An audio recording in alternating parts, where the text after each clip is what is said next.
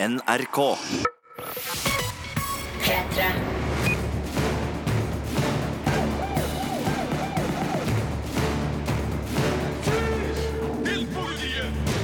Velkommen til en ny episode av Filmpolitiets ukentlige podkast. I studio i dag, Sigurd Vik. Hallo, og jeg sier hallo til deg, Marte Hedenstad. Hallo, hallo. Og i dag så skal vi kose oss uh, med ukas kinopremierer. Ja, det er både en islandsk sort komedie om nabokrangling som heter I skyggen fra treet, eller Skyggen fra treet heter den. Og så er det en chilensk-amerikansk film fra en av dine favorittregissører. Yes, Sebastian Leilio har laget sin første engelskspråklige film, og det skal handle om undertrykt seksualitet og homofili i ulydighet, som eh, jeg har ganske så stor sansen for. Så det passer bra i disse pride-dager. Det gjør det, og i tillegg så har vi nå, for det er uh, sommer, det er litt ekstra med fritid for å kose seg med det man har tilgjengelig, det vil si strømmetjenestene. Mm. Så vi har søvnfart dem litt og skal komme med tips til både dokumentarer, serier og filmer som vi har funnet på strømmetjenestene, og som vi liksom virkelig har lyst til å anbefale til dere der Yes. ute. Så det blir en real eh, tipsguide også i denne podkasten. Men uh, skal vi starte med kinoene, rett og slett, Marte? Vi starter med kinopremierene, og da tar vi en tur til Island. Hva er gera hérna? Það eru bara drullusokkar som halda fram hér. Kamelgulir, frakkar og með tréð. Þetta er hann daldið skuggi svona sem að fellur á vallin hjá okkur. Þetta tref verður látið í friði. Altså, Jeg har sett seriøs islandsk film, jeg har sett spennende islandsk film, men når jeg hører eh, det islandske språket her nå, så må jeg le, for det høres jo ut, det høres ut som tullespråk. Ja, det kan være. ja, det kan være, jeg, bare, jeg liker den låta så godt. Jeg Ja, synes veldig, den er så fin. det er kanskje og- låtas islandsk eh, visesang er ja, artig. ja, det, det er veldig fin. Men eh, Skyggen fra treet har eh, premiere denne helga, og jeg kan starte med å spørre deg, Marte. Du har to katter som du er veldig glad i. Oh yes, Bran og Pil. Ja. Hva hadde du gjort hvis de forsvant, og du mistenkte at naboen din hadde uh, tatt livet av dem? Altså, altså, hvis noen hadde drept kattene mine eh, Altså, du, det er mistenken din. Du tror at naboen din har drept kattene dine. jeg dine. anmeldt dem til politiet. Du hadde ikke gjort noe, du hadde ikke tatt saken i Eh, egne hender? Altså For du har jo altså, ikke noe okay. bevis. Skal jeg fortelle deg en ting? Ja. At min nabo har en katt som, eh, som eh, Vegard og jeg, altså mannen min Vegard og jeg pleier å kalle for Satan. Fordi han ser ut som Satan. eh, og han er skikkelig slem mot alle de andre kattene i nabolaget. Så hvis naboen min hadde tatt liv av mine katter, så hadde jeg tatt og knerta Satan. Sier det bare nå! Ok, It's out there! ja. It's out there! Grunnen til at jeg starta med dette spørsmålet, er bare for at vi skulle legge grunnlaget for nabokrangelkomedien Yes. uh, Skyggen fra treet. Vi har en beef på gang her, skjønner du, skjønner, ja, skjønner. Det er en komedie som utforsker akkurat de her type Mm. ting. Men uh, den starter ikke rett med nabokranglinga. Den handler om en uh, ung mann som heter Atli, som uh, er gift, har ei lita jente, og er glad i å se videoer av seg sjøl ha sex med ekskjæresten, som han sitter og runker til foran laptopen på nattestid. Det er veldig spesielt. Ja, det er ganske spesielt. Hvis du, har sam hvis du har ei kone, og så runker du til sextapen din med eksen Ja, Det oppdages, og han sendes da på, ut av huset på en timeout og Ja, flytter jeg inn hos foreldrene. Og det er foreldrene som er da i en sånn knallhard nabokrangel med sine naboer. Det her foregår på eh, den beste vestkant i, i Røykjavik, eller i hvert fall i et eh, penere boligstrøk. Og grunnen til konflikten starter med at uh, foreldrene til Atle har et stort tre i hagen som skygger for sola til naboen sin veranda. Der ligger det en ganske sånn ung kvinne som er sammen med den litt eldre mannen i huset. En sånn, kall det en litt sånn trofé, Trofékone, ja, trofékoneaktig, i hvert fall. Hun er kanskje sånn eh, slutten av 30-årene, veldig gira på å få barn, veldig gira på å sole seg, veldig gira på å trene, eh, og har lite til overs for det eldre naboparet som ødelegger eh, solinga for henne. Så, så der starter det. Og de er glad i treet, da? Eller? De de er i hvert fall ikke villige til å gjøre sånn som naboen vil. Eh, men, så det her er liksom sånn Du kan tenke TV-serien neste sommer, du kan tenke diverse forviklingskomedier, Vill villere Villaveien, Jon Skolmen på Selskapsreisen. Altså den her type situasjonskomikk ligger i bunn, men det er ikke en film som går dit. Det her er en ganske sår film som har mer til, øh, til, til felles med Dag, altså komiserien som Kristoffer Schou og uh, gjengen laga med ja. Atle Antonsen i hovedrollen, enn Neste sommer-greia. ok. Så i en veldig sånn grå, utvaska fargepalett så har vi eh, tematikk som selvmord, barnløshet, sorg, skilsmisse som ligger liksom under, men som kokes opp i sånne små trykkokerstøt til sånne nabokonflikter som vi kjenner så godt over hekken. Så det er en eh, ganske sånn bekmørk eh, komedie som ikke avslutter scenene med latterkula. Det er ikke sånn at du liksom sitter og flirer når scenen er ferdig. Du Nei, flirer litt sånn underveis. underveis, for det er ofte litt sånn melankolsk ettersmak når scenen er ferdig. Eh, og den er nydelig fotografert, og treet har selvfølgelig en symbolsk rolle her, så det vender stadig tilbake til treet, som får lov til å være med og fortelle historier. Mm. Men jeg likte skikkelig godt denne eh, filmen. Den er fra regissør eh, Hafstein Gunnar Sigurdsson, tidligere nominert til Nordisk råds eh, filmpris, og har også laga en eh, dokumentar som du kan se på NRK nett-TV om det islandske fotballandslaget. Og, Oi, og hva liksom det har gjort med nasjonen Island at de har fått denne oppblomstringa eh, av fotball gjennom da forrige EM og VM. Så, Ja. så han er en uh, allsidig type.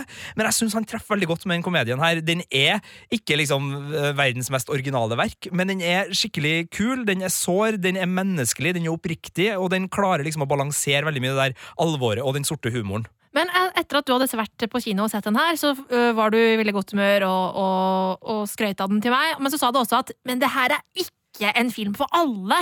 Eh, hvorfor er den ikke det? Nei, den har noen scener, og spesielt en siste akt, hvor den er ganske kompromissløs. Eh, Det er tydelig at uh, Hafstein Gunnar Sigurdsson som filmskaper har lyst til å lage den filmen han har lyst til å lage, og ikke han, len, altså han, han prøver ikke å nå alle med den filmen her. Altså, det er en setting som kunne ha vært sånn der sommerens liksom, lystige komedie på alle skandinaviske kinoer, men han går ikke dit, og siste akta så gjør han et stilbrudd som er ganske vågalt, og som jeg tror, i hvert fall sånn mine foreldre, ville ha elska filmen her hvis den var skrudd til litt annerledes, men med den slutten så ville de bare ha sagt sånn Det var en rar slutt. uh, og så kanskje hadde de vært mye mer happy med den hvis den hadde slutta fem minutter tidligere. Ja. Men jeg elska slutten. Den er veldig rar, uh, på sett og vis, fordi den uh, gjør ting som man ikke forventer helt. Men, men den, den, ja, den rister litt i jeg, og, og, og det, akkurat når jeg så den, så var jeg litt sånn her Oi, hva som skjedde nå? Ja. Liker jeg det her? Og så kjente bare- jeg på det i Ja. timene etterpå, så bare Vet du hva, det gjorde jeg. Det, det likte jeg. Ja. Og, det, det, og den, den oppleves veldig sånn urealistisk akkurat der og da, men så har den enda et lag med realisme som kanskje gjør den Ja, den, den gir litt sånn ettertankemuligheter. Okay. Nå har jeg sagt altfor mye om handlinga her, føler jeg. Jeg beklager til dem som er veldig spoilerallergisk, men, men det er mye mer i filmen her enn jeg har sagt. Jeg har, det, det er store, eh, spennende ting som, som skjer, eller eh, artige ting som, som skjer. Eh, Så nei, er du glad i litt sånn skandinavisk tristesse, blanda med litt sånn enkel og koselig forviklingshumor, som er veldig poengtert og godt laga. Altså, de tar ikke de teiteste klisjeene og bare lage dem på nytt igjen. kremt norske byggeklasser. Kremt, kremt. kremt. Nei da, den er også artig, men, men det her er, er hakket mer uh, raffinert enn det, syns jeg.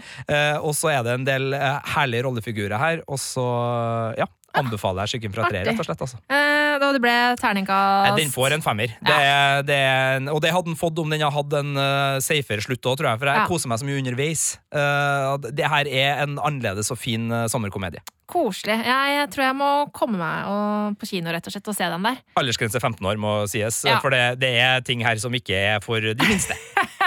ok, greit. Eh, Det er ting som ikke er for de minste i neste film på kinoprogrammet også, nemlig en ganske så heftig sexscene. Eh, Vi skal over til den neste filmen på programmet, nemlig Ulydighet. Hvor did you get married? I think he felt that marriage would cure me. We need to stop this. I think you should leave him. I'd do anything for you. Do you know that? Look at me! I have always been this way! Oh. Ulydighet den er eh, en helt annen film enn Skyggen fra treet. Det her, selv om du snakka om at det er mørke og, og litt sånn alvorlige tema uh, til, i grunn for den filmen også, så her er det uh, for det meste alvorlige ting. Det er vanskelige situasjoner, og det handler om rett og slett uh, at man ikke får lov til å være den man er.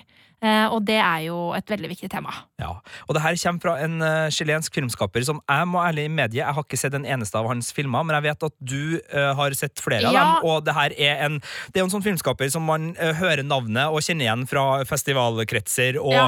uh, kvalitetsfilm, hvis man kan liksom se- sette et slags hermetegn. Det er jo mye film som er det, men, men for de som er liksom har lyst til å se en film på Gimle på søndagskvelden med Ja, et det er veldig Gimle veldig Gimle. Veldig Gimle kino i Oslo, for dem som nå følte seg utafor. Men, men kan du fortelle meg litt, hvem er han her Ja, filmskaperen? altså Sebastian Lello er en chilensk eh, filmskaper som helt frem til nå kun har laget spansktalende filmer. Eh, og han eh, har liksom, Det virker som at han det som han har som prosjekt da, i filmene sine Han har på en måte veldig tydelig mål i alle filmene sine. Det er en moral der. Og moralen er enten um, Du må tørre å være deg selv for å bli lykkelig i livet ditt. Uh, du må stå imot de som trykker deg ned. Uh, du har lov til å elske hvem du vil. Uh, og så er han også veldig sånn interessert i hva religion gjør med folk. eh, hvordan religion påvirker oss og samfunnet rundt oss. Sånn ulike typer sosial kontroll, Yes. uh, der forventninger og forventningspress og, og, og styring fra både familier og, og miljø Ja. legger veldig lokk på hvordan man kan øh, te seg og, leve livet. Akkurat det det handler om. Og, grunnen til at jeg er så glad i han, er at jeg anmeldte en film som kom for noen år tilbake, det var vel i 2014, som heter Gloria. Som handler om en uh, dame i 60-åra som på en måte hele tiden har levd livet sitt for, uh, for familien. og liksom Hun har aldri på en måte fått lov til å være seg sjæl og aldri på en måte elsket seg selv nok til at hun har satt seg selv fremst. Eh, så det er en film som er veldig sånn den sprudler over av livsglede. Den, altså, hun danser rundt, og det er, som, ja, det er en helt nydelig film som anbefales eh, på det varmeste.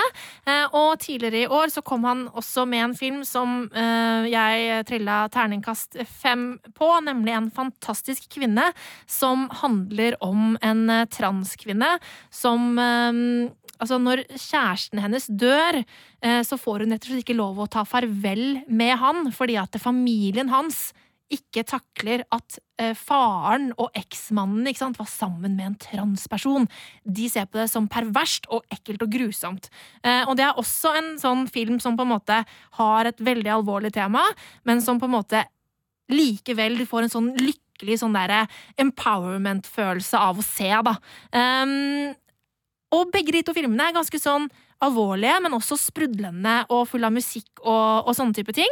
Eh, og når han nå da lager Ulydighet, eh, som tar oss med til London og det jødiske ortodokse miljøet der, så er alt det der som jeg kjenner fra de tidligere filmene hans øh, når det gjelder uttrykk, det er strippet bort ned til et veldig sånt sobert og stillferdig uttrykk, ehm, som jeg først ble litt sånn det her var mye kjedeligere enn jeg på en måte har sett tidligere fra han. Men så, etter hvert som jeg ser historien, så finner jeg ut at ja, men vet du det her kler jo filmens tema helt perfekt.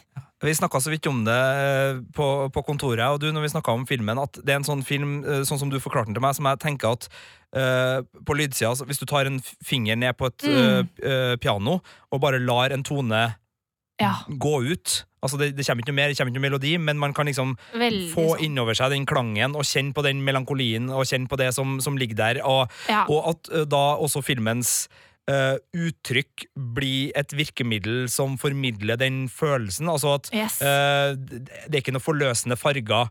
Du holdes i Mm. den, en, en variant av den opplevelsen som kanskje rollegalleriet har, men eh, nå gjetter jeg på ting du Nei, skal fortelle bedre. Det er, Eh, helt, det er helt perfekt det du sier, fordi det handler jo da om Ronit, eh, spilt av Rachel Wise, som har eh, Hun er født og oppvokst i uh, den jødisk-ortodokse miljøet der, Uh, og hun- hun har flykta fra det uh, fordi hun ikke ønsker å leve et liv som from, som er et ord som går igjen. Altså, um, altså kvinnene der går veldig sånn strengt kledd. altså De har på seg sånne svarte bodyer for å på en måte hver eneste minste lille del av kroppen skal på en måte være tildekt.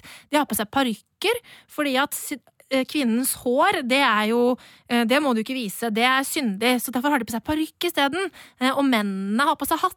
for å skjule sitt hår, og menn og kvinner får ikke lov å ta på hverandre, og det, det er veldig sånn strengt. Så det har Ronit rømt fra, men når faren hennes dør, som er en veldig anerkjent og høyt aktet rabbi i det miljøet, så kommer hun hjem for å ta farvel med han, og det er ingen, nesten, som vil ha henne der, fordi at hun er jo på en måte et utskudd som, eh, som de ikke vil ha noe med. Og sånn i, i liksom eh, døds... Eh, hva heter det? Dødsannonse?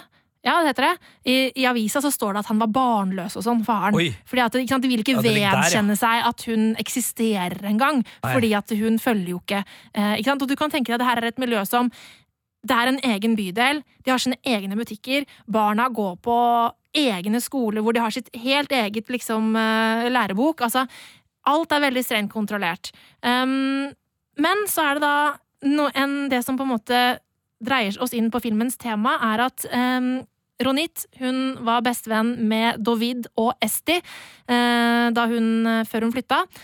Esti er lesbisk, uh, og en av årsakene til at Ronit dro, var at hun og Esti hadde et forhold som ble oppdaget.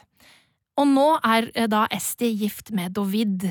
Eh, hun er altså fanget Imot sin legning. eh, Imot sin legning. Hun er fanget i et eh, liksom ekteskap med en mann hun ikke elsker på den måten. Hun må ha sex hver fredag med han, for sånn skal man gjøre. Da skal vi Det er litt sånn Handmaid's. Tale-aktig.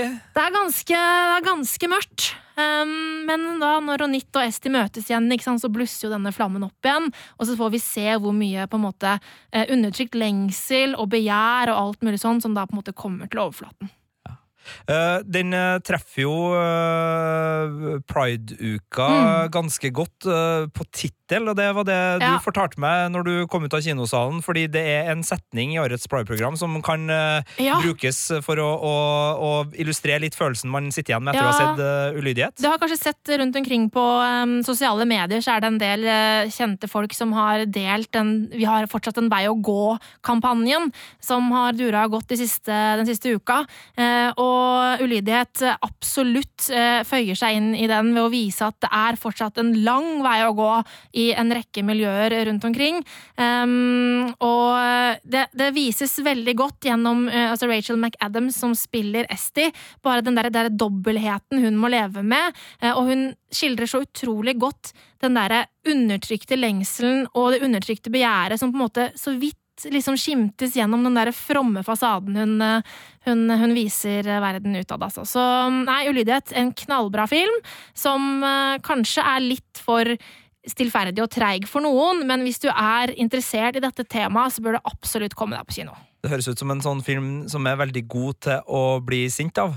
Ja. Altså Flink til å, å få ble- nevene til å knytte seg litt. Å, herregud, og, ja. Jeg ble skikkelig irritert underveis, altså. Fordi at eh, på, på, på, på grunn at hvordan kvinner representeres. Altså, de er kun koner, de er kun mødre, de skal bare være hjemme. Og så ble jeg òg ekstremt sint på hvordan de ser på det å være lesbisk. Det er ikke som at de, de forstår det ikke.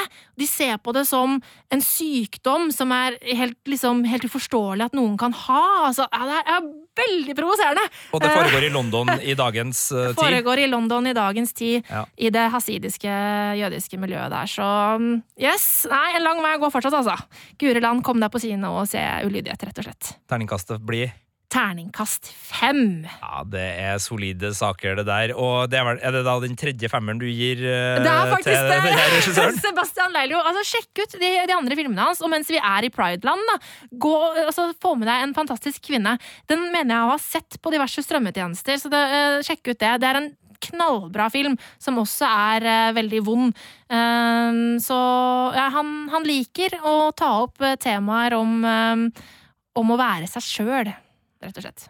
Jeg tror vi skal holde oss i, i eh, sånn cirka det her landskapet, for vi har uh, sittet oss ned, jeg og du, Marte, og, og tenkt Ja. hvordan kan vi gi folk noen gode uh, tips til, til strømmetjenestene, nå som det er litt uh, gryende ferietid og folk får litt bedre tid? For det ligger jo veldig mye der ute som ikke liksom er premiereaktuelt, uh, og som kanskje snikes inn under radaren. Det er jo Ja. masse, altså Netflix fyller jo på spesielt da med ting uten å si fra, Eh, så det er liksom eh, ganske mye som, som ikke blir uh, fanga opp av oss i den tradisjonelle premierebiten. Ja. Og uh, hvis vi starter med TV-serieanbefalinger, og da har vi valgt ut én TV-serie hver fra strømmetjenestene, Mm. uh, så forsto jeg det sånn at du har valgt en serie som også kan sees i forlengelsen. Kanskje etter at man har vært og sett Ulydighet, så kan man Ja. eh, slå seg ned og, og ta en liten tur til HBO Nordic. Yes, for der ligger nemlig Pose. Eh, De fire første episodene er tilgjengelige der nå. Det er åtte episoder totalt, kommer hver fredag. Eh, Og det er en serie som tar oss med til 1987 i New York, eh, og det homofile og, og transmiljøet som fantes der.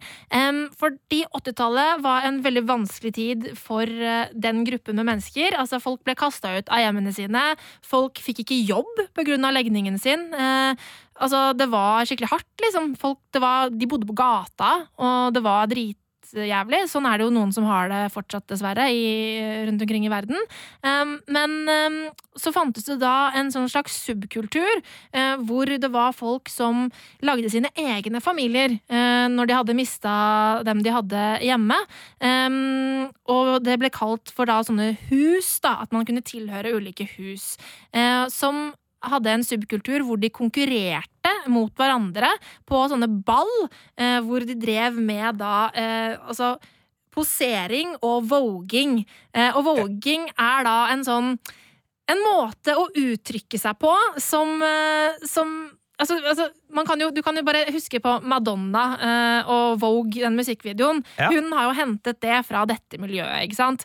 Um, og det her er da en, en uh, greie som er liksom overdådige kostymer, det er forskjellige temaer for hvert ball, ikke sant? Jeg tror det er i den første episoden så er det sånn royalty som er, eh, som er temaet, og da er det liksom sykt svære kjoler og liksom eh, sånn skikkelig sånn der kongelig, og det er bare Og så går de der og poserer og liksom er de feteste folka som fins på jord, ikke sant?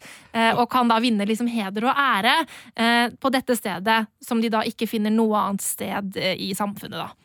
Eh, En del av meg jeg skjønner at det kanskje ikke er sånn, men jeg får litt sånn der, en blanding av eh, litt sånn Eight Miles og You Think You Can Dance-greia, med at man er i subkulturer hvor man eh, ikke konkurrerer i ordna former, men at gatekonkurransen mm. blomstrer og lever sitt eget liv. Ja, og, og får en, en eh, subkultur som da blir en, og det kan man jo kjenne igjen fra hiphopen, og man kan kjenne igjen fra, fra gatedans, og man kan Mm. kjenne igjen fra, fra ulike uttrykk. Eh, men det her er jo en serie jeg er spent på. Jeg har ikke fått begynt å se den ennå. Det, det har vært så utrolig mye bra kvalitetsserier som har kommet. Altså Westworld, Handmaid's Tale, ja, Killing. Eve. eh, nå kom The Staircase på Netflix. Altså, det har vært så mye at jeg har ikke rukket å begynne på den ennå, jeg hører jo nå at, at det her er en som skal sjekkes ut. Men eh, det kommer jo fra Ryan Murphy. Ja. Eh, delvis, altså Det er jo ikke bare han som har laga det, men han er jo en produsent kjent for mange for American Horror Story-serien. American Crime Story, den OJ Simpson, mm. blant annet. Og han har også nå senest vært ute med eh, 911, som Ja. er jeg vil kalle det nødsentralpornografi. Ja. altså Det er en serie som liksom tar for seg alle de der eh, urbane mytene om ting som kan gå galt, og som brannvesenet og ambulanser må hjelpe til med. Sånn der baby født på do, havner i klorakkrør, må reddes, kvelersange, kveler eieren sin, må slås i ansiktet med en spade. Altså, han, han er Ja. ikke kjent for å holde det ned. Nei, nei altså, Men- det er jo hvordan- mannen bak Gli òg, liksom. Ikke minst, Altså, det er jo han er en fyr som elsker å pøse på, både når det ja, ja. gjelder det visuelle og musikk, og det gjør han virkelig i Pose. For det er det jeg lurer på, Hvilken type uttrykk har Pose? Ja, det, altså, den har et overdådig uttrykk. Eh, overdådig og barokk er, er eh, ordet her. En festlig? Den er festlig, um, absolutt. Uh, og det handler jo noe om rollefigurene her som, som er ganske festlige i seg selv. Samtidig som de har jo uh, en mørk bakgrunn, veldig mange av dem. Um, og altså det, Pose er ikke en perfekt serie. Den har en, noen sånne sånn klisjeer, og, og en del av rollefigurene er kanskje såpass hardt skrudd til at de nesten blir litt parodiske. Men i dette universet her så syns jeg det funker, da. Um, og så syns jeg det er veldig kult uh, at de som faktisk uh, er transpersoner i serien, er det i virkeligheten også. At det ikke bare er henta inn uh, mannlige skuespillere, for eksempel, som skal spille transkvinner. Sånn at um, den har noe sånn autentisk ved seg som er veldig viktig, fordi at den tar opp en tid som har, er veldig viktig i historien. Historien. Um, og bare tenk på liksom sånn aids-epidemien som virkelig hadde gjort sitt inntog. Uh, folk var skikkelig sjuke, liksom, og måtte leve med det samtidig som de ble utstøtt av samfunnet. Sånn at det er en veldig sånn hard brutalitet i bunnen her, og så på en måte, for å overleve, så pakker de det inn i voging og uh, catwalking og liksom posering og alt det fine på toppen for å liksom ha noe bra i livet sitt, da. Så nei, Pose, ass. Dritbra. Jeg skal sjekke den ut. Den ligger på HBO Nordic. Det ligger fire episoder ute, og den kommer ukentlig. Hvor mange uker framover har vi Eh, igjen? det er åtte episoder totalt, så det kommer hver fredag. Så en måned til, da. En måned til med Pose. Og jeg kan jo bare hive på, selv om det ikke er den serien jeg har valgt ut som strømmetips. Transparent, hvis du nå følte at du ville se enda mer. En fantastisk dramedie, altså kom, komidramaserie. Den tror jeg ligger på Viaplay nå her i eh, Norge, på strømmefronten, og har jo vunnet priser, og har jo en eh, Jeffrey Tambor som nå sannsynligvis er ute av serien. Han eh, fikk seg en skavank i metoo-kampanjen, så litt usikker der på hva som egentlig skjedde, men jeg tror han er ute etter fjerde sesongen. Men eh, eh, hvis man skal dømme serien ut fra ren kvalitet på det vi har sett, så har den allerede fått terningkast seks her i Filmpolitiet av meg. Det er en serie jeg er veldig glad i, eh, så den slenger jeg på, da. På, på oss eh, rent tematisk, eh, men også fordi at det er en god serie i seg sjøl. Ja. Eh, Men mitt eh, tips i denne eh, seriebolken av strømmetips, da, det skal jeg gjøre veldig enkelt. Fordi, og jeg ble litt inspirert, fordi senere i august så kommer Mott Groening sin nye animasjonsserie til Netflix. Castlevania skal den hete, og det er vel en sånn, det er jo han som har laga Futurama og Simpson. Han har laga en sånn fantasy-hybrid. Men er det ikke en Castlevania-greie ute allerede? Nå sier jeg Castlevania. Ja. Jeg sier feil, vet du. Det er ikke Castlevania den heter. nei, for den fins allerede. Ja, ja, ja, ja, ja, Ja. ja. Du, du er bra du passer på. Nå skal jeg ta et raskt lite, lite søk her på hva den nye serien eh, hans skal hete. Den skal hete uh, Disenchantment. Å ja, den, Den har jeg hørt om! Den skal hete ja, Disenchantment. Ja, ja, ja, Den Stryk Castlevania. Ja, ei prinsesse og en gnom og, og noe greier. Men i hvert fall, Mm. det, det kommer ikke før i august, og det skal vi selvfølgelig anmelde og snakke masse om når det kommer. Fytti rakkeren, hvor dårlig hukommelse jeg har. Castlevania var den Netflix-Japan-spill... ja, vi- Ja, oi, riktig. oi, oi. Beklager, folkens.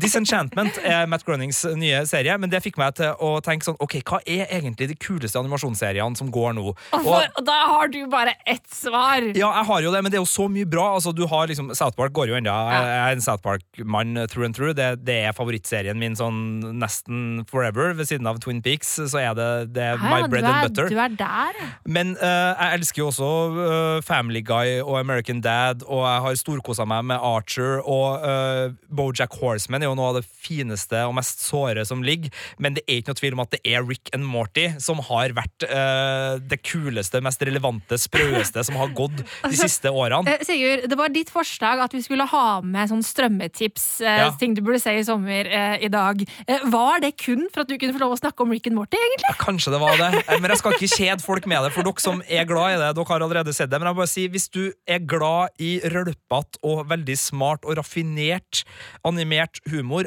som Matt Groening absolutt er en av fedrene til, eh, men som er dagsaktuell, og som er noe av det kuleste man kan se i dag, da, og som også har en sårhet og en nerve som er helt nydelig, så er Rick and Morty eh, bare eh, the shit. Eh, ligger på Netflix i tre sesonger. Uh, det kommer mange sesonger til med det her, så det er bare å kose seg. Og det er folk som har vært med å lage Community, og det, det er veldig smarte hoder som lager det her. Veldig mye referanser som er kjempekule. Pickle Rick er noe av det beste som finnes her i verden. Så, så ja. Uh, Pose, kjempe. Rick and Morty, også kjempe.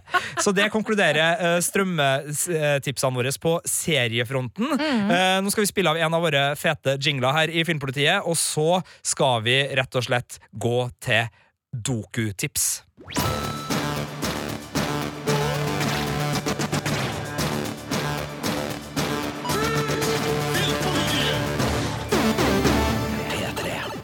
Er jo sånn at det ligger utrolig mye spennende dokumentarfilmer og serier til strømming. Spesielt så er Netflix eh, og NRK sin nettspiller jævlig gode, eh, Ja. unnskyld uttrykket, på dokumentarer. Det er så utrolig mye bra der. Ja, og her må jeg si, jeg har alltid vært glad i dokumentarfilm. Jeg har uh, snikskrytt uh, studert faget, holdt jeg på å si. Ja, Altså, jeg, eh, ja. Nei, det er men, veldig mye dokumentar. eh, altså, det, men det var ikke bestandig så lett å få tak i. Jeg husker liksom det å få tak i en VHS med Thin Blue Line av Errol Morris var uh, knotete. Eh, ja, snikskrytt. Uh, men, men altså, dokumentarfilm har fått en veldig oppsving eh, rett og slett gjennom tilgjengelighet. Mm. eh, etter at strømmetjenestene de siste fem-seks årene nå har gitt oss en plattform hvor det er lett å legge dem ut, og det Mm. er et veldig sultent publikum. Selvfølgelig godt hjulpet av true crime-appetitten, som har vært voldsom, eh, både gjennom Serial og Making a Murderer, noe som gjør at eksempel The Staircase nå har fått nye episoder, som er en sånn gammel eh, bauta i sjangeren. Ligger nå på Netflix med nye episoder, også et eh, tips for øvrig.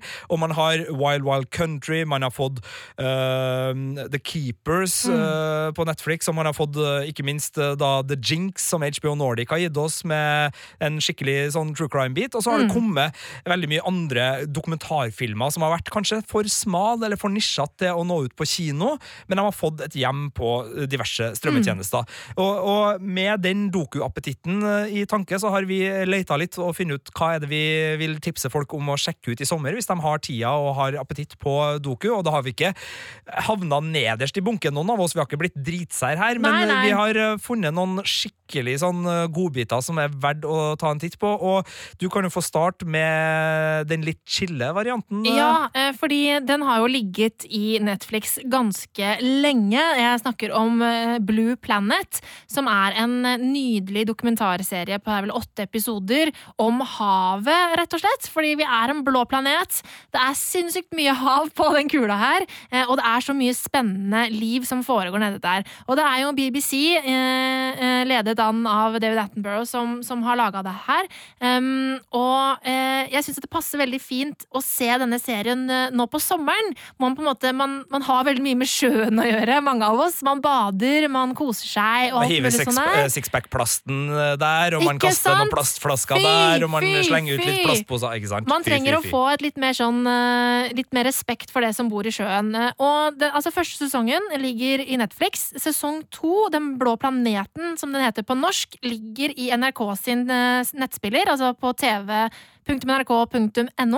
Um, og det er så fint. Og liksom For det første så er det jo bare veldig behagelig å se på.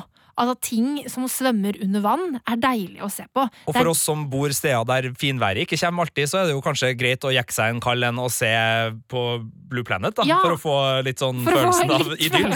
Og så er det veldig mye fine dyr, og så er det, så det, er, det er veldig spennende. Og det er utrolig mye rart som bor, bor i havet. Eh, og så er det bare veldig fint fortalt. Eh, det er deilig, behagelige lyder under vann, og så er det òg fin musikk. Altså Sesong to har jo Hans Zimmer på lydsporet, en av de virkelig største filmmusikkomponistene. Og eh, jeg koser meg veldig med Blue Planet. sånn at eh, du kan jo begynne, Hvis ikke du har sett det ennå, så begynn på Netflix og se sesong én, og så kan du hoppe over til NRK etterpå og, og se sesong to. Altså. Det er knallbra.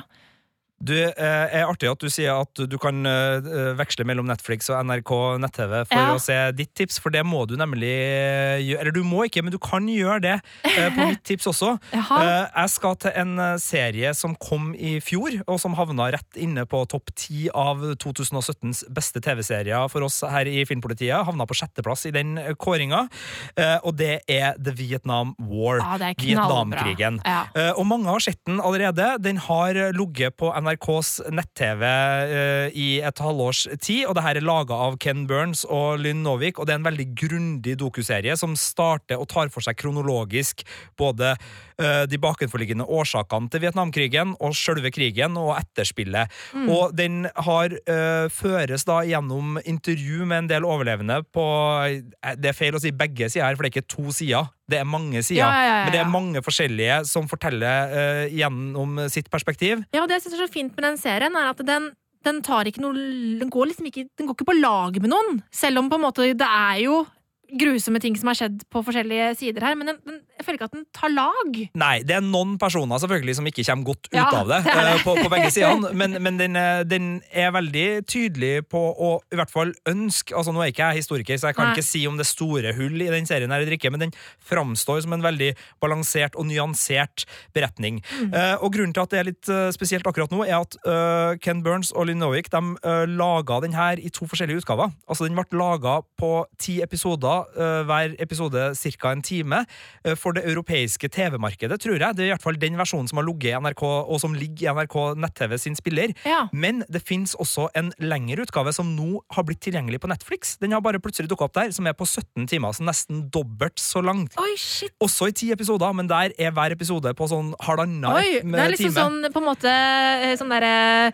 Directors Cut-variant. Ja, og du er jo bestandig veldig opptatt av at det er extended-versjon av Ja. Ringenes herre-filmene man skal se, og ikke den eh, kinovarianten. Ja, Eh, Så, så her har man da valget om man vil se titimersversjonen. Det er den jeg har sett, så det er Mm. den jeg har blitt begeistra for. Men, Men nå skal jeg jo uh, sjekke ut 17-timersvarianten da, som ligger i Netflix, for her er det så mye bra. Og det som gjør den ekstra aktuell, er jo at den viser jo veldig mye da, blant annet med The Pentagon Papers, som var bakgrunnen for filmen The Post, som Mm. uh, Steven Spielberg laga med Tom Hanks og Meryl Streep i hovedrollen, som eh, fikk en sekser her i Filmpolitiet, Mm. og som var på kino da, og Oscar-nominert nå i vinter.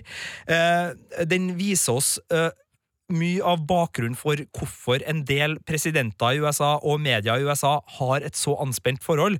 For det er noe her på, på begge sider av saken. Som journalister så er jo vi veldig tilbøyelige vil jeg tro, Marte, til å se det ut fra et presseperspektiv. Absolutt. Om at det her har vi lov til å publisere, og det her har vi lov til å Men det var jo noe som het rikets sikkerhet, altså nasjonal sikkerhet. Og uh, The Pentagon Papers da ble jo prøvd stoppa, og det tar jo denne serien opp på veldig grundig vis. Hvorfor det var så skadelig at avisene da uh, viste fram hvor uredelige presidentene hadde vært. Og da snakker vi flere presidenter. Eh, men det var jo Nixon som fikk det her på, Ja, ja, på døra si, og hans administrasjon som prøvde å, å stenge det. Men, men det, det er en veldig fin historie å ha med seg når man sitter og tenker på hvorfor er Trump og eh, det amerikanske media så, så, så splitta. Noen er på hans side, noen er på den andre sida. Det ropes daglig fake news fra, Mm. fra en av verdens mektigste ledere. Det er jo et sprøtt scenario på mange vis, men, men her får man også litt innblikk, ikke bare i krigshistorie, men også samfunnshistorie, som også er relevant i, i dag, selvfølgelig. Hvis man syns det er et spennende tema og har lyst til å, å se altså både spillefilmen da, eh, og denne dokumentaren, hvilken bør man se først? Eh, jeg vil hive inn en tittel til i denne regla, eh, All the President's Men, Ja. som eh, starter der The Post slutter. Ja. Uh, og som tar for seg Watergate-skandalen, for her henger ting sammen, og det går i ulike retninger, så alt er ikke liksom sånn uh, Leder ikke opp til det samme her, men, men det er en, en veldig fascinerende tid. Jeg tenker jeg ville ha sett serien først, Og så og så. The Post, og så avslutta med den det kirsebæret som er All the President's Men. Det er en film fra 70-tallet med Robert Redford og Ja. Dustin Hoffman i hovedrollene, som spiller da de to Washington-journalistene som uh, nøsta opp i Watergate-skandalen. En av mine favorittfilmer uh, ever. Jeg vet ikke om den ligger på noen strømmetjenester, men den er å få tak i. Uh, ganske rimelig på Blu-ray, tror jeg, hvis man går og, og plukker litt i diverse nettbutikker. Jeg tror du får den for en ganske rimelig penge. Mm. Så eh, The Vietnam War-dokuserien uh, jeg, jeg har trua på 17-timersutgaven, fordi uh, når det er så Ti bra i timer er så bra, ja, så hvorfor ikke 17? Eh, og musikken, Marte, herlighet, musikken er jo akkurat så som du vil at den skal være. Ja. Jeg tror det er Trent Reznor fra Nine Inch Nails som har satt sammen musikken og jobba med lydsida på den serien. Det, det er helt fantastiske greier. Så nei, um, The Vietnam War-serien, så The Post, så, så All the President's Men. Men. Der har du en lita sommeruke med herlig historikk, altså. Og så må jeg bare slenge inn helt på tampen av denne doku-anbefalingen eh, Netflix sin nye, sitt nye samarbeid med Vox, eh, som er en sånn sånne kortdokumentarer som, de het, som heter Explained. Ja! Eh, og de er sånn type, det er sånn 15-20 minutter eh, om forskjellige liksom, Det er en som handler om e-sport, en som handler om k-pop, en som heter Why Diets Fail. Og det er sånn, der, sånn, de er sånn perfekt lengde på, som du Ja. liksom bare kan se mens jeg spiser middag foran TV-en eller et eller annet sånt noe. Og det er veldig, veldig liksom presist og enkelt og lett og, og liksom å få et lite innblikk i et, et spennende tema. Så anbefaler den også, altså. Explained. Kan jeg bryte eh, regelen, jeg òg? Ja. Vi skulle bare komme med ett tips hver. Men jeg vil bare si at uh, dokumentaren som ligger på HBO Nordic om uh, Debbie Reynolds og dattera ja mm. som da er eh, prinsesse Lea. Uh, hjelp meg med navn her, Marte. Nå er jeg plutselig Carrie Fisher. Carrie ja, Fisher. Ja. uh, jeg husker ikke hva han heter, men det er bare å søke på Carrie Fisher og Ja. Mm. Debbie Reynolds der. Det er en dokumentar som kom i fjor, eh, som er noe av det vakreste jeg vet, som følger Carrie Fisher på tampen av og Debbie Reynolds på tampen av henholdsvis sine liv. Mm. Mor og datter som døde med ganske kort tids mellomrom. Det var nok den dokumentaren jeg grein mest av i fjor. Fy søren, den Og, og nå, nå er det så pinlig at jeg ikke kom på det, for jeg hadde jo ikke tenkt å snakke om den filmen der, men den heter et eller annet Bright Lights. Uh, tror jeg. Jeg husker ikke selv, Eh. Nei. Nei. Men, men gå inn på HBO Nordic, der ligger den, det er dem som har laga den. Og, og det er Carrie Fisher og Debbie Reynolds, og det er Hollywood-historie, og det er eh, Star Wars-historie, og det er uh, familiehistorie, og det er så vakkert og nydelig at hvis du tenker at krig og diettdokuer er dritt, så har du en mulighet til å, å kose deg med, med en skikkelig fin, fin, Ja. fin og rørende doku der, altså. Ja, det er mye bra som ligger der ute. Og eh, så har jo også NRK har jo den doku-sommer-greia si, så det ligger masse andre kule eh, dokumentarer i eh, NRK-spilleren også. Og så er det jo bare å gå på Netflix, da, som har helt vilt mange! Altså, de har hundrevis av dokumentarer, så ja. Nå må du roe ned Ok. Netflix-reklamen der, Ja, sorry, Henstad. men jeg, jeg syns det er så kult. Jeg synes det er Ja, veldig det er kult. Uh, skal vi avslutte strømmetipsene våre med det som er enklest å fordøye, Ja. men uh, tyngst å fortære, holdt jeg på å si? Yes. Altså, uh, og jeg vil da bare avslutte med en veldig enkel og deilig film. ja, for det, nå er det filmtips, og dem er det jo så mange av at det er nesten er, er sånn Det er jo ikke noe problem å finne en film du har lyst til å se, men vi, vi skal hjelpe dere litt på veien. Vi har plukka hver vår eh, film eh, som vi anbefaler å sjekke ut i og nå får vi bare lov å plukke ut én. Det er bare lov å si én. Ja. Uh, og jeg har eh, ofte, eh, når jeg driver og leter rundt i alle de diverse strømmetjenestene, for det er jo så sinnssykt mange, og jeg har jo alle eh, Du mener Viaplay, Sumo, Seymour, som også er på Sumo, Dplay, eh, Amazon, Netflix, HBO Nordic, Yes. NRK nett-TV og de her eh, ja. Eh, og det, ofte så blir jeg litt sånn overvelda, og så velger jeg en film som jeg har sett en million ganger før. Eh, og det er også noe jeg nå skal anbefale, nemlig The Fifth Element fra 1997! En av dine favoritter. Den ligger i Netflix! Den var favorittfilmen min i så mange år, altså. Og det, det har jo selvfølgelig noe med at jeg elsker science fiction. Jeg elsker eh, når filmer har et veldig sånn stilig visuelt uttrykk, og det har jo virkelig Luke Besson eh, gjort med Det femte element, eh, som har Bruce Willis og Mila Jojovic i hovedrollene. Og, Og en viss Hobbit. eh, og en viss Hobbit, faktisk. Eh, Og en viss Chris Tucker. og en, og en viss eh, Gary Oldman. Gary Oldman som spiller en skikkelig slibrig, herlig skurk. Um, det her er jo da et skikkelig sånn derre science fiction-epos, på en måte, litt. Um, og jeg trenger egentlig ikke si så veldig mye om handlingen hvis ikke du har sett den, fordi at du må bare, bare, bare se den. Altså, uh, The Fifth Element lyger ikke, på en måte. Altså, den handler om de fire elementene pluss Ja. ett, uh, Ja, rett og slett. Eh, men det er da en uh, sci-fi-komedie, Mm. actionfilm. Ja.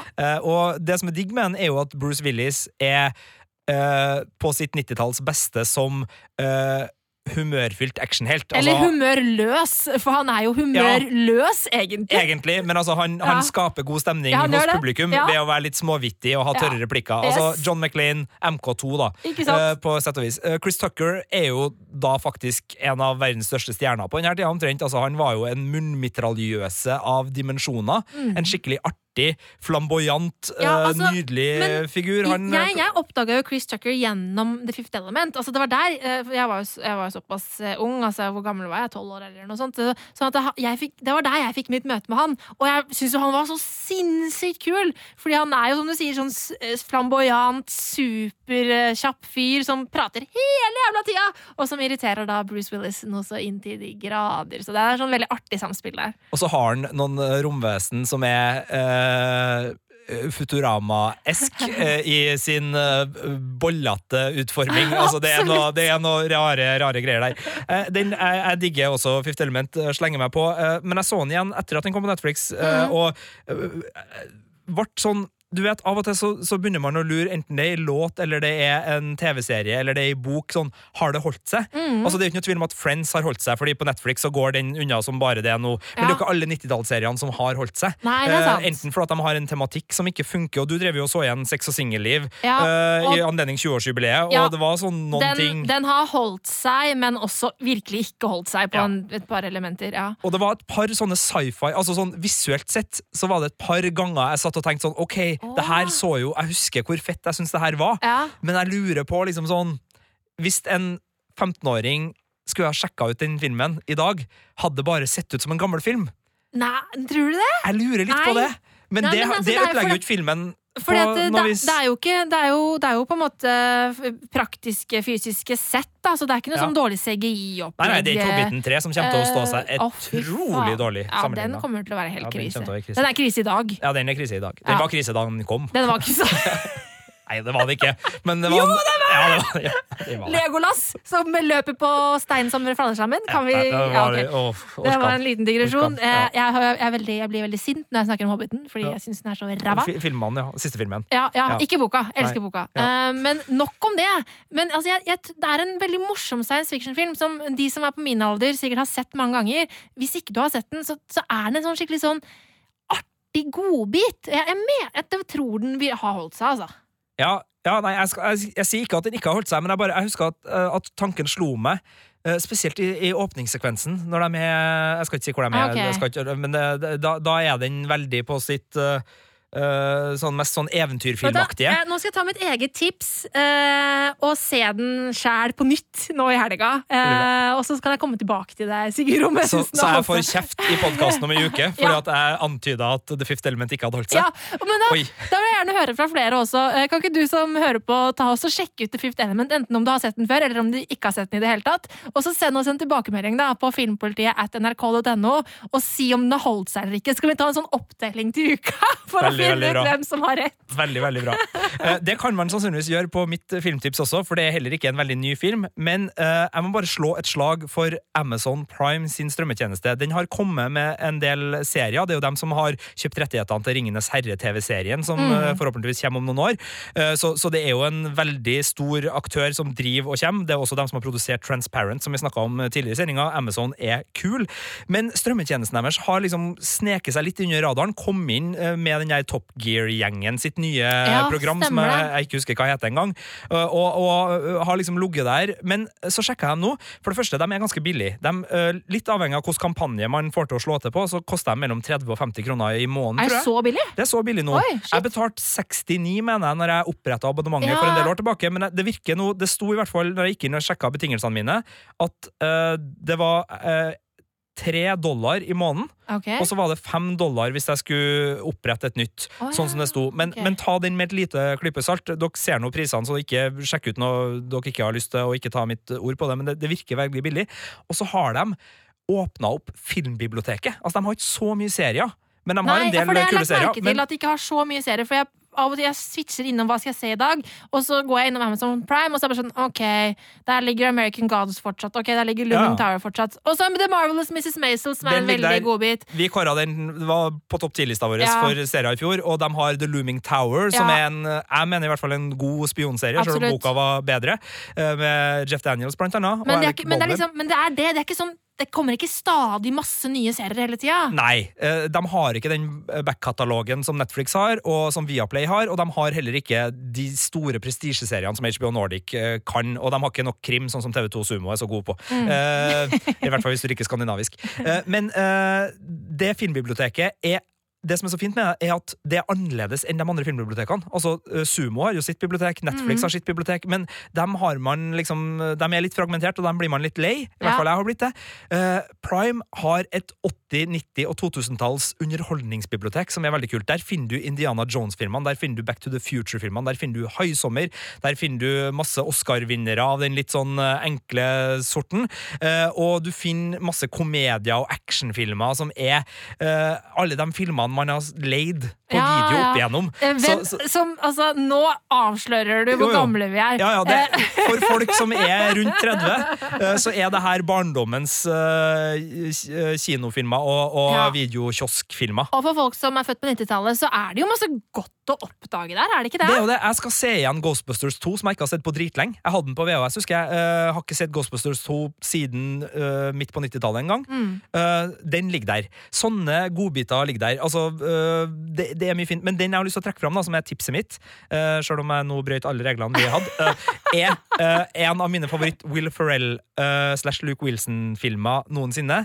som også har Snoop på gjesteopptreden, og Wins. Eh, det er nemlig Old School, som jeg mener er en av de beste komediene fra den Frank gjengen. the Tank! Frank Tank! Ja, En naken Frank Will Ferrell som Frank uh, springer etter å ha vært på Snoop-konsert, tatt mikken og sagt sånn We're going streaking, everybody! Uh, ramler av scenen og begynner å springe naken gjennom uh, nabolaget og blir da tatt igjen av sin kone som er ute og kjører bil med det venninnene. Eh, Og hun som spiller i kona i eh, Kongen av Queens, er det vel som sitter i framsetet Ja, og bare bemerker sånn. Var det litt kjølig der ute, Frank? Ja. Da en viss uh, shrinkage eh, har forekommet. Ja, det er Eh, lenge siden jeg har sett Old School. den altså. er fin. Den starter jo Juliette Lewis er jo også med. Hun spiller jo i, i åpningsscena, uh, og der er det ei Ryan Adams-låt som er Ikke Brian, men Ryan Adams-låt som er av de aller beste. Så, nei, den filmen, altså, den er uh, den er min favoritt fra liksom Du hadde liksom Zoolander, Starsky and Hutch, du hadde uh, Åh, øh, Dodgeball Du hadde Ja, liksom ja, alle de her ja. komediene som kom fra den der gjengen. Det var ikke sånn at alle var med i alle, men du hadde liksom uh, Blades of Glory, Semi-Pro Det var masse. Mm. Det, var en, altså det var Will Ferrell, uh, Ben Stiller, uh, Win Swan og Owen Wilson og Mm. Luke Wilson og den gjengen der i litt sånn ulike konstellasjoner som laga veldig mye fine ting sammen. Har glemt et par navn nå, så, så unnskyld hvis jeg glemte dem, men jeg syns Old School er kanskje min favoritt blant alle dem. Altså, det, er, det er en av de få filmene jeg faktisk liker Vince Vaughn i. For jeg hater jo Vince Vaughn. Jeg syns han er en sykt irriterende skuespiller som alltid spiller bare den verste varianten av seg sjæl. Ja. Men i old school, så da, der er han morsom. Så... Ja, men Det er jo en heslig dude der òg. Ja, men på en morsom måte, liksom. Ja. Uten Jeg liker han i mange filmer. Ja, fy faen, ass. Eh, og, og, og altså, eh, den derre grusomme, grusomste av alle Vince Vaughn-filmer, The Breakup. Med, med Ja. Jennifer Aniston. Den, Altså, men den henger ikke for- sammen med resten Nei. av filmene her. Nei, men jeg vet jeg er enig i at det er ikke en Men, men han, akkurat, altså den rollen der be beskriver bare Vince Vaughn som skuespiller for meg. Men i old school elsker han der. ja, Kjempeartig. for det er veldig mange nivå her. Altså, jeg synes jo for eksempel en film som Wedding Crashers, der han og Owen, øh, og Owen Ja. Wilson skal henge sammen. Den er grei. Den, ja, den er på nedre mens, Og det her er Luke Wilson, forresten, hvis jeg, hvis jeg sa feil. Det er Luke Wilson som er i Old School. Ja. Um, og, og så og så- Men nå er jeg jålete, Marte. Ja. Men det at uh, Wilson er med òg, gir en liten Wes Anderson-link. Fordi uh, Ja, Bottle. Rocket, den Ja. første uh, Wes Anderson-filmen med liksom Luke og Owen altså, Det er noe uh, det, det, På den tida Mm. så, så bare det stemte, da, når alle de her ulike komiske konstellasjonene, noe fra Saturday Night Live, noe fra litt sånn kunstfilm, møtes. Og, da, og da, har du liksom, da får du plutselig Bill Murray inn i, i ligninga, og så blir liksom bare verden bare vokser i positiv retning i flere lag. Men jeg skal ikke påstå at Old School har alt det her i seg, for det har den ikke. Uh, men, men det er en film som, uh, som plassert midt inni denne greia her står seg veldig godt, syns jeg. da. Ja. Uh, men igjen, det kan godt hende at den heller ikke holder hold seg. Det vet jeg ikke, men det er en av mine favorittkomedier på, av typen god og lett underholdning som det er koselig å se igjen og artig å flire av, og den er blant de veldig veldig mange filmene som nå har kommet på Amazon Prime sin strømmetjeneste. Så jeg anbefaler den, og jeg anbefaler å sjekke ut Amazon Prime. Det er mulig det går an å få til en prøveabonnementsordning, altså ikke binde seg så mye. Altså, jeg Da må at du slutte penger med den Amazon Prime-reklamen ja, din. Jeg, og jeg vet at vi snakker om strømmetjenester som om det bare er å plukke dem fra et tre. Det Ja. er det ikke. De er kostbare. Og vi Samla skjønner sett at så vi er er jo en litt særsituasjon av det vi jobber med. Vi, vi må ha alt, på en måte. eh, Og jeg skjønner at alle ikke har det, men der har jeg faktisk et lite godt tips. Fordi eh, Remi Horregard, som har vært med Sigurd og meg i eh, Westworld-podden, han har en sånn lurt, litt lurt lite triks. Han bytter på eh, hva han abonnerer på. Eh, og liksom sånn, ok, nå abonnerer vi på Netflix så og så lenge. Så ser vi alt dette fete av serier som vi må liksom catch up på der. Og så setter vi det abonnementet på hold. Nå skal vi se det som er hos HBO Nordic. Og så ser vi alt det fete som ligger der. Og det er en ganske smart måte å gjøre det på, da. Hvis du er interessert i å få sett alt det bra som ligger der ute, så går det an å bytte på på den måten, da. Det er slett ikke dumt. Og da kan man kanskje til og med hjelpe seg sjøl litt, for jeg merker jo at når jeg har alt på, altså tilgang til alt hele tida, så havner jeg i sånn der godtebutikkproblematikk, mm. hvor jeg liksom bare Jeg vet ikke hva jeg skal velge, så til slutt så sitter jeg bare og ser Braveheart om Åh, igjen. Du, vet du hva? Det, er- det, der, det der er jo min, mitt lille hjørne av skam. Når jeg på en måte sånn etter 40 minutter, bokstavelig talt med switcher rundt omkring, så bare Ja, da blir det Twilight igjen, da. Skal, jeg- skal jeg tilstå mitt mareritt? Det er når jeg har kjøpt takeaway-mat, men ikke har bestemt meg for filmen på forhånd. Og så, og så bare spiser jeg mens jeg liksom jeg, Og når nei, du jeg- endelig ja, har funnet filmen, så har du spist opp all maten! Tragedie. Ja, det er tragedie. Livets små tragedie. Ja. Oi, oi, oi, Ja, hardt liv. Det tror jeg var Filmpolitiets podkast for denne gangen. Ja, jeg tror det. Ja. Men vi kommer tilbake neste uke, og hvis du er interessert i Westworld, Yes. eh, for den serien er jo akkurat ferdig nå, så er det jo bare å sjekke ut eh, Westworld-podden, som er egne episoder som eh, har fulgt den serien fra start til slutt. Jeg vet at det er mange som har venta på Westworld til nå, fordi de vil binge. Eh, og det er helt fair, og hvis du vil ha selskap til binginga, så er det bare å spille av Westworld-podkastene etter hvert som eh, de går. Vi har recap av hver eneste episode med gjester. Uh, eller så har du sett det og bare vil ha eh, siste bit, og da kan du sjekke ut den siste podden som ligger der ute nå, som er recapen av episode 10, The Passenger, hvor vi uh, er litt uenige, jeg og du, Marte, og Remi Orgar, om eh, hvordan vi syns sesongfinalen var. Men vi skal ikke spoile noe mer om det eh, her. Men krangling, eh, det blir det. Eh, og hvis dere vil høre at Marte eier meg i en liten diskusjon der, så skjer det også. Eh, så det, det foregår på den podkasten. Men den er heller ikke helt ferdig, for vi har tenkt å plukke opp et par elementer som på en måte ikke passer inn i sånn recap-setting, som er litt mer sånn større ting å, å snakke med, og der kommer det også litt gjester. Så bare følg med videre også på Westworld-pod. Ja, og der også, hvis du har noen innspill og noen teorier eller spørsmål som i forbindelse med Westworld, så kan du også sende det til filmpolitiet at nrk.no. Tusen takk for at du hørte på, eh, og takk for at du lasta ned. Og gi oss gjerne en tilbakemelding da, på der du finner podkastene dine, og gi oss en rating og litt konstruktiv kritikk og ris og ros og alt det det er der. slakt er også helt lov. Eh, Eller ikke gjør det hvis du ikke gidder, for det er også helt greit. Vi blir i hvert fall veldig glad hvis du gjør det, så tusen takk for det.